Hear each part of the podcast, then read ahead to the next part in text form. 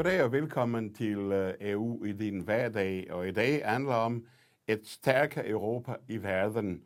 Og til det er inviteret uh, den lokalpolitiker, som er medlem af EU-parlamentet i Bruxelles, Niels Fuglesang for Socialdemokratiet. Velkommen til dig, Niels. Tak skal du have, Rui. Et stærkere Europa i verden. Hvad er det, der skal til? Ja, altså, øh, jeg synes, at EU og Europa nogle gange er øh, svag i verden. Øh, og det handler om, at øh, vores udenrigspolitik, øh, er, altså der står vi ofte splittet. Vi har jo 27 lande, der er med i EU, og øh, vi er jo en stor magt, hvis vi står vores kræfter sammen. Men det er vi ofte meget dårlige til, synes jeg.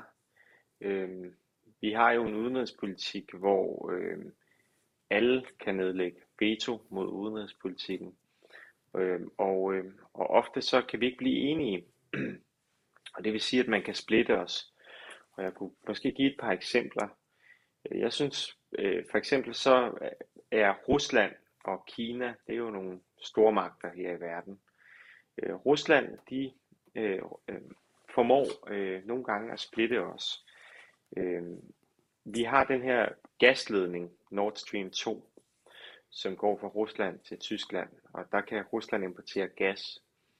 Øh, det er vi stort set alle sammen øh, bekymrede overfor. Øh, hvis man i hvert fald spørger Europaparlamentet, og jeg spørger mine kollegaer fra forskellige lande, så synes de, de fleste af dem, at det er bekymrende. Øh, men Tyskland vil gerne have den her gasledning, fordi det kan medføre, at de får noget billig, billigere gas og nogle, også skabe nogle arbejdspladser i Tyskland. Men vi kan ikke tage nogen fælles beslutning om, øh, altså hvis vi tog en flertalsbeslutning, så ville det blive stemt ned, den her gasledning, og vi er bekymrede over for det, fordi vi bliver mere afhængige af Rusland, når vi har sådan en gasledning.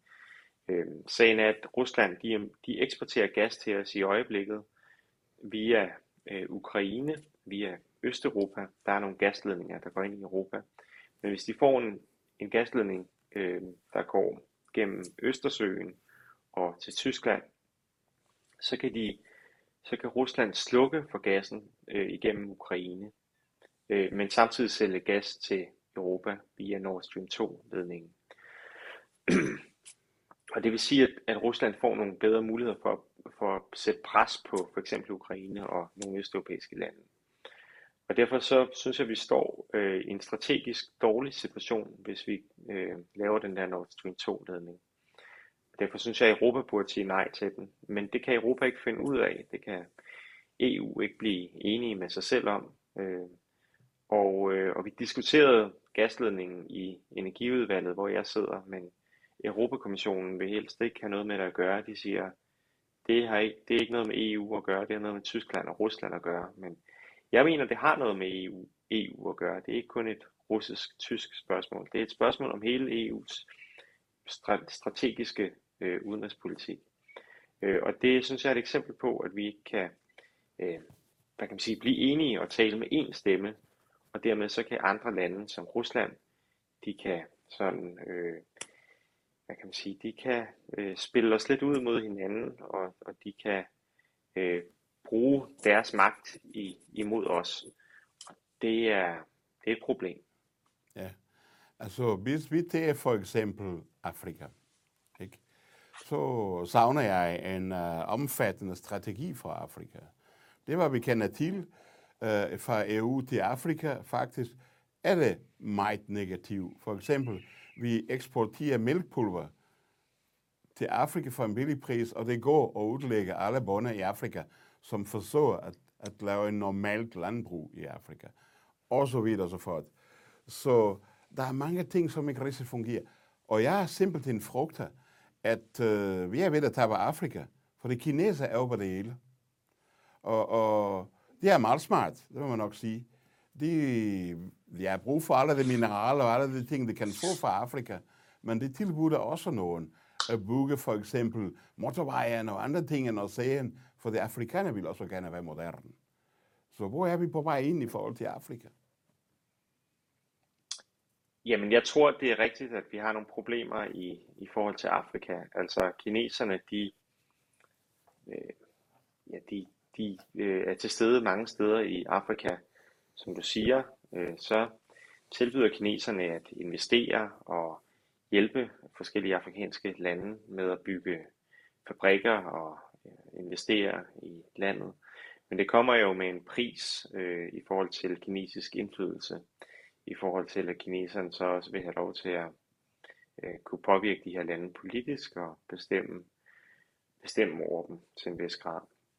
Og der tror jeg, at EU er, øh, har været for langsom og er for langsom. Altså, vi bruger ikke øh, nok kræfter på Afrika.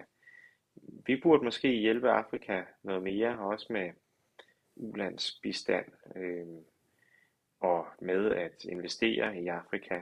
Vi har jo brug for Afrika øh, som samarbejdspartner. Øh, dels fordi der kommer mange migranter fra Afrika. Der har vi brug for at samarbejde med afrikanerne om at sørge for, at der ikke skal komme så mange migranter, men at man opbygger nogle samfund i Afrika, hvor, øh, ja, hvor folk gerne vil leve, og så de ikke migrerer til Europa. Og også i forbindelse med øh, naturressourcer, altså eller hvad kan man sige, sjældne metaller, metaller som vi bruger til at lave øh, computer eller øh, telefoner.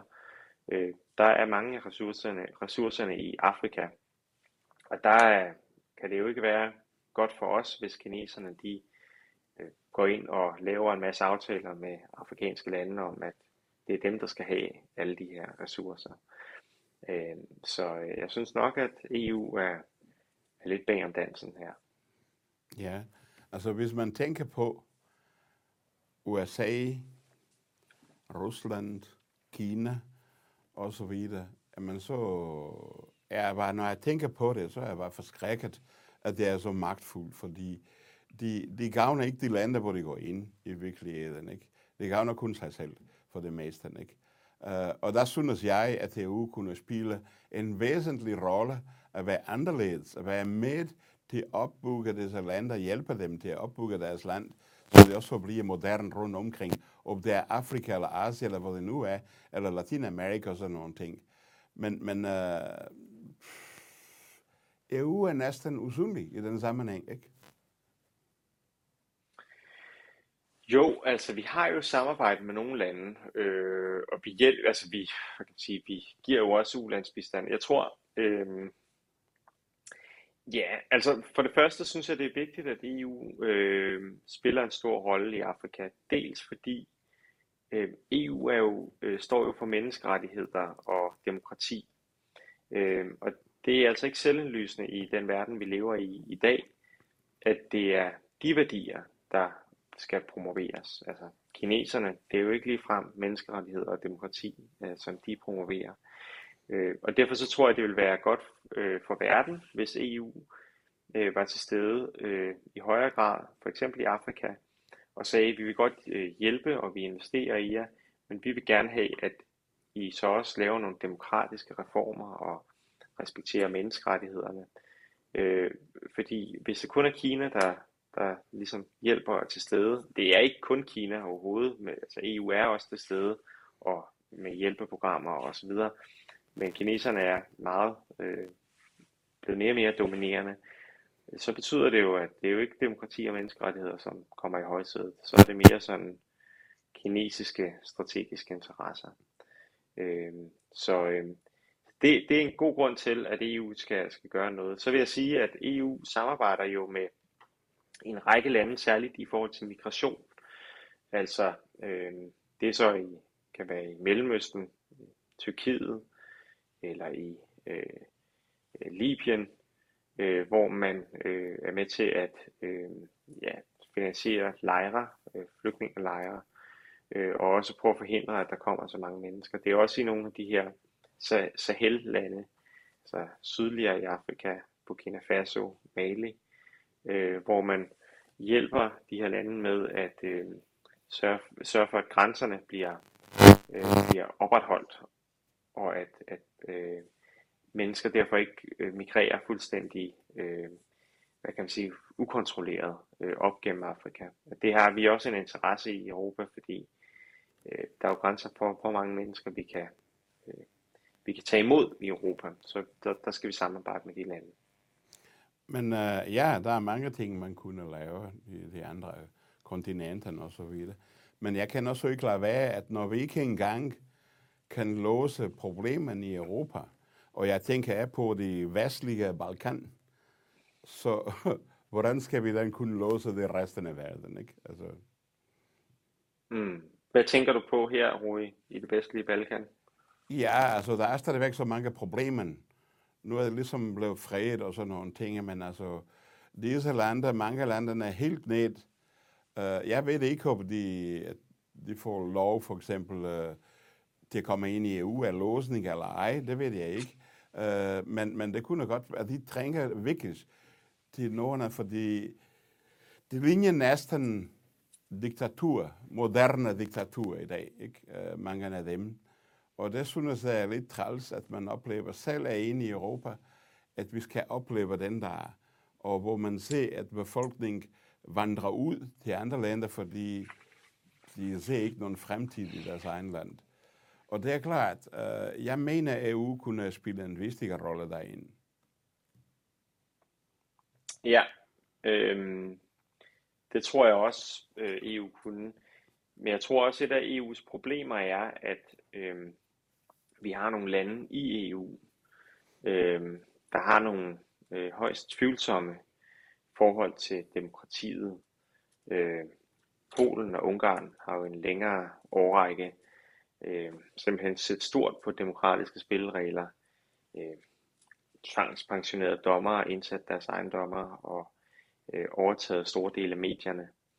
Og øh, jeg er, frygter og at når EU øh, består af lande, der ligesom er så forskellige i deres sådan, grundsyn på, hvad der er værd at fremme i verden, øh, så bliver det også svært at nå til enighed, også om udenrigspolitikken, og svært at stå sammen om, øh, hvad skal man gøre i hvad skal man gøre i Balkan for eksempel, hvad skal man gøre i det de kalder det, det EU kalder det østlige partnerskab, altså partnerskab med de her lande, som ikke er EU-lande, men som er kandidatlande og som til at være med i EU.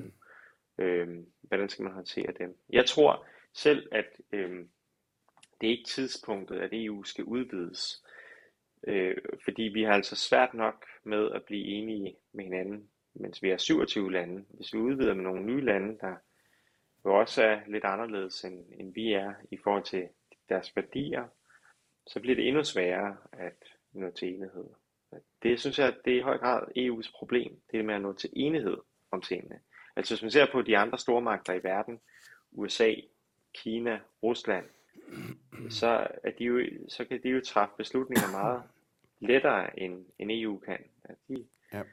Det er USA's præsident, eller det er Vladimir Putin, eller det er Xi Jinping, der træffer nogle beslutninger øh, i høj grad i de lande, mens vi øh, sidder og diskuterer med hinanden og ikke kan finde ud af, hvad, hvad vi mener. Men det vil sige, at du tror ikke på, at EU kan spille en stor rolle i verden?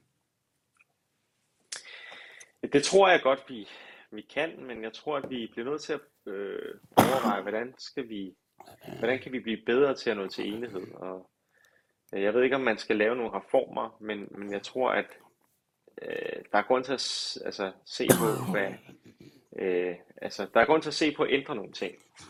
Øh, sådan som det er nu, fungerer i hvert fald ikke særlig godt, synes jeg. Øh, jeg synes også i forhold til Kina, altså Kina, øh, kineserne, de har købt en kritisk infrastruktur i øh, forskellige europæiske lande, og du, de kan nu presse, kineserne kan nu presse de her lande, for eksempel Grækenland, til at øh, holde mund, når det handler om menneskerettigheder i Kina.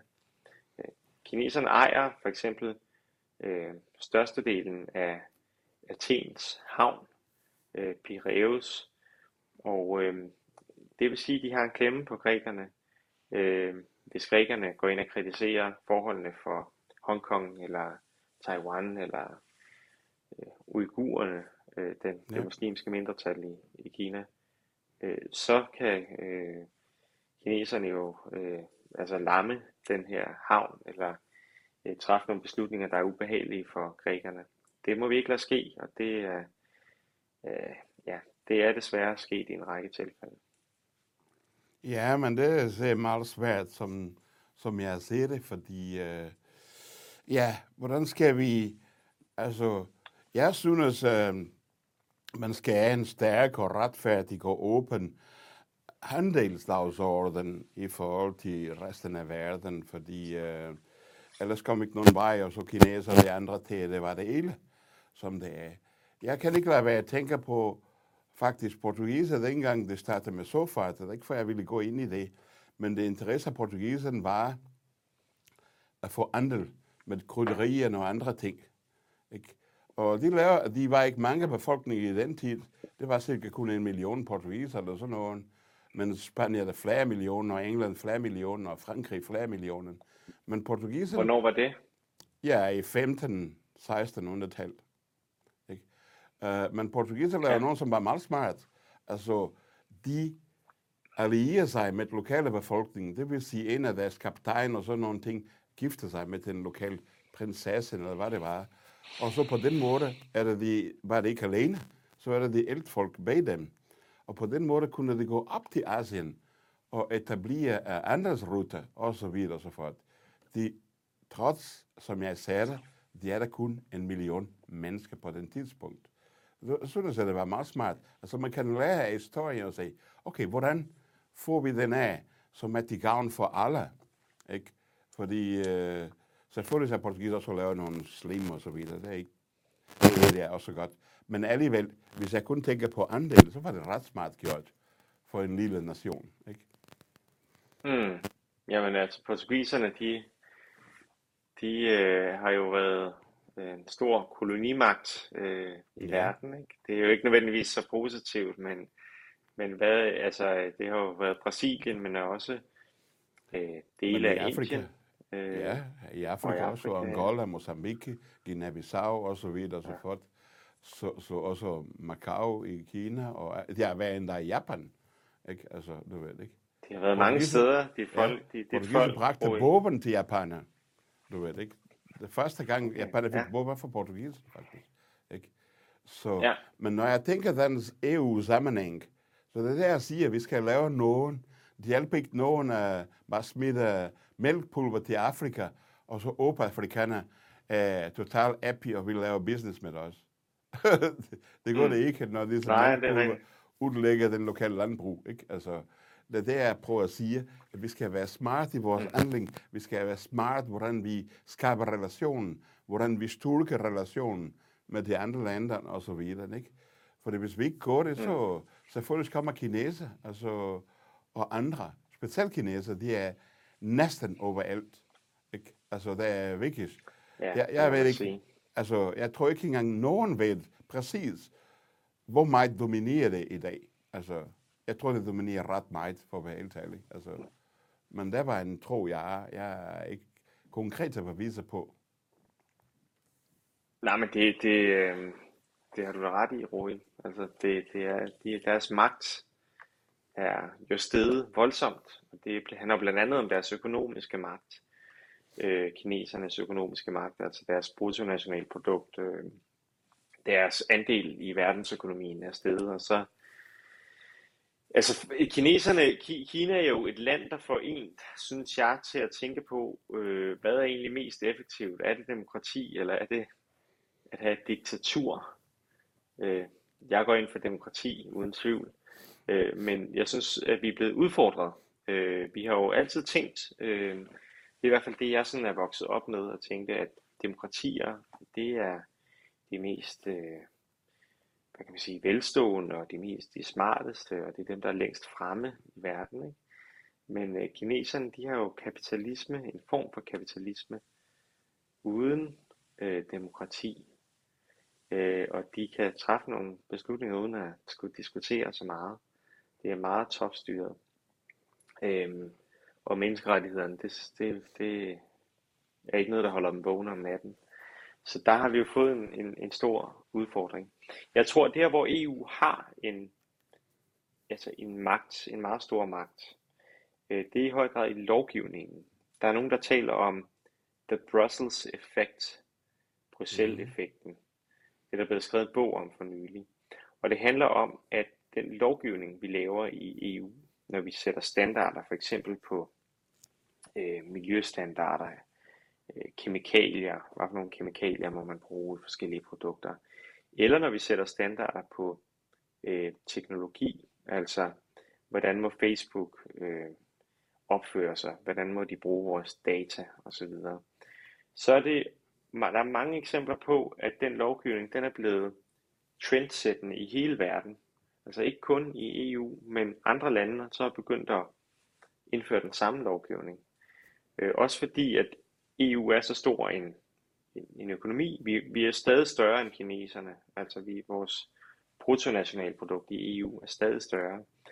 Øh, og, øh, og de virksomheder, der gerne vil sælge til EU, øh, de øh, bliver nødt til at indrette sig efter vores regler, men de vil helst ikke have to forskellige regelsæt, så de siger så til nogle gange til USA eller til kineserne eller til andre, vi ikke godt indføre de samme regler, som EU har indført, for det kan vi godt se, det er nok den vej, det går, og vi vil altså helst ikke lave to forskellige produkter, vi vil have et regelsæt. Øh, og derfor så er EU's regler øh, kommet til virkelig at at have en stor indflydelse, også uden for EU. Og det er en magt, øh, vi har, og som vi nok også skal bruge lidt mere strategisk. Når vi for eksempel taler klima og grøn omstilling, det vi laver i EU, det kan godt få en betydning uden for EU, og det er en måde, vi kan skubbe verden øh, i, en, i en bedre retning på. Ja, det er helt sikkert. Og derfor mener jeg også, at øh, man skal styrke EU's rolle i, i verden. Fordi det er anderledes end USA og Kina og Rusland, og det kunne være til gavn for de mange forskellige uh, folk rundt omkring i Afrika, Latinamerika eller Asien. Så ja, øh, EU skal styrkes, og jeg forstår, at det er kompliceret at få det styrket udenrigs, politisk osv., men, men det skal vi. Mm. Hvad, må jeg spørge dig, Rui, tænker ja. du, at vi skal have mere beslutningskompetence i EU, at EU skal træffe flere beslutninger, når du siger, øh, vi skal styrkes? Ja, blandt andet det. Altså, vi, hvordan præcis, det ved jeg heller ikke. Men, men uh, jeg synes, det skulle have flere kompetencer, ja. Så det kunne træffe det rigtige beslutning. Specielt hvis det er i sammenhæng i forhold til verden, ikke? I resten af verden. Så skulle EU have flere kompetencer, ja. Ja, Jamen, øh, jeg tror i hvert fald, at EU skal spille, prøve at spille en større rolle. Altså, vi, vi må i hvert fald indse, at vi er op imod nogle store magter. Kina, Rusland, USA. Nu er USA vores ven, og det bliver USA forhåbentlig ved med at være. Men USA er jo også, øh, har jo ikke altid de samme, 100% samme interesser som EU. Og for, indtil for øh, nylig, så havde USA jo også en præsident, som øh, jeg tror mange europæere ikke delte værdier med. Og derfor så bliver vi nødt til at, at, at indse, at vi, øh, vi også skal kunne handle sådan selvstændigt og strategisk i EU, øh, når vi er op imod de her store magter, der alle sammen, de handler jo alle sammen strategisk og med én stemme. Øh, og der, øh, der, har vi, der skal vi altså ind i kampen i EU. Men altså en mulighed var lige præcis også igennem øh, andel. Altså, man kan sige til alle disse lande, hvis I vil lande med EU, så må I simpelthen uh, respektere menneskerettigheden og andre ting, og være konsekvent overfor det. Ikke? Ja. Altså, ja. Lige nu har vi set nogen, som har oprørt mange mennesker, der er inden for fodbold. Der er disse uh, saudiarabiske prins, som har købt Newcastle. Ikke? Og, og mm. borgeren derude er meget oprørt, og så videre, fordi man siger, at han var den, som øh, var med til at give ordre til at skudde den journalist, du ved, ikke? Og så videre og så fort. Ja. Så vi accepterer tingene. På den anden side, på den anden side prøver vi at være kritisk. Altså, det duer den ikke. Altså, nu vil jeg kun snakke med den stemme, mener jeg. Ja, klart. Jeg, øh, jeg er faktisk øh, Newcastle-fan, Rui. Jeg ved ikke, om du har sådan et yndlingsfodboldhold, men mit, det, var, det var i hvert fald Newcastle. Min er til Sporting Lissabon, ja, du ved det. Sporting, det er Sporting Lissabon, selvfølgelig. Ja, ja. ja de er også, øh, ja, det kan jeg godt forstå. Øh, men Newcastle, det, så det gør mig jo ked af at høre, at den, den saudiske prins har, har fået fingre i det. Øh, men jeg tror, øh, det du nævner der er meget centralt, det med handel. Altså at vi har, ja. vi kan bruge vores handel øh, magtfuldt. Og det, det synes jeg, vi skal gøre. Når vi laver handelsaftaler, så kan vi altså stille krav til øh, andre lande, og sige, hvis I vil handle med os, og det, det vil de som regel, fordi vi er så stort et marked, så skal I altså overholde en række standarder, som, som vi sætter. Ja. ja, det var en vej i hvert fald. Og, og den anden vej jo. var at få dem til, altså, menneskerettighed. Det er helt essentielt i vores demokrati i dag, at uh, disse ting fungerer. Det hjælper ikke nogen, at man lige dit eller dat, eller forandrer med diktatoren eller andre, som er suspekte individer og sådan nogle ting. Altså, vi må være konsekvent i, i vores handlinger. Helt, helt sikkert. Helt sikkert. Og jeg tror, altså det der med handel, at øh, du ved, der var en, en øh, berømt økonom, Milton Friedman, der var, fik Nobelprisen i økonomi, der sagde, The business of business is business. Altså, øh, når man laver handel, så handler det bare om øh, at lave penge. Ja. Og det er det, det handler om. Og det er han sikkert øh, ret i at svære. Men jeg tror, at øh, vi bliver nødt til at prøve at indse, at det ikke, når vi laver business, så er det ikke kun business, så er det også værdier. Så skal vi sætte ja. vores værdier ind i spillet. Ikke? Så skal vi ja. sige, at der er nogle værdier, vi står indenfor. Og hvis man vil handle med os, så skal man ikke bryde menneskerettigheden. Så skal man i øvrigt betale sin skat. Der skal ikke være sådan et selskab, der bare øh, bruger skattely. Og man skal også leve op til Paris-aftalen. Det er jo nogle krav, som vi, vi kan sætte. Ja. Det må komme før profit. Ja. Men uh, Niels, ja, tiden lå altid væk fra os. Vi kunne snakke og snakke, men så er det. Jeg siger uh, tak for nu, og så håber vi, at EU bliver stærkere i verden. Vi arbejder for det.